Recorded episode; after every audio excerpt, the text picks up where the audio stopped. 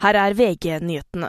Tilstanden til personen som ble meldt kritisk skadet etter helikopterstyrten utenfor Sotra er nedjustert til alvorlig, melder Haukeland universitetssykehus. To av de øvrige skadde er utskrevet fra sykehus, mens tilstanden er stabil for de to andre. Det er gjort funn av vrakrester etter ulykken, en helikopterdør og et rotorblad.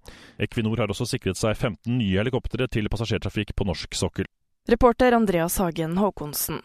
Tonje Brenna erkjenner at hun burde gitt mer informasjon om de interne prosessene i departementet i habilitetssaken. Det skriver Dagens Næringsliv og TV 2. I Bangladesh har dødstallet steget til 45 etter brann i en sju etasjer høy restaurant.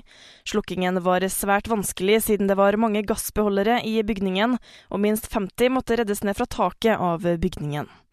Denguefeber sprer seg nå uvanlig raskt i Brasil. Over en million er smittet, og 214 er døde av sykdommen. Det er også økning av denguefeber i Peru og Argentina. I studio Miriam Alsvik, nyhetene får du alltid på VG.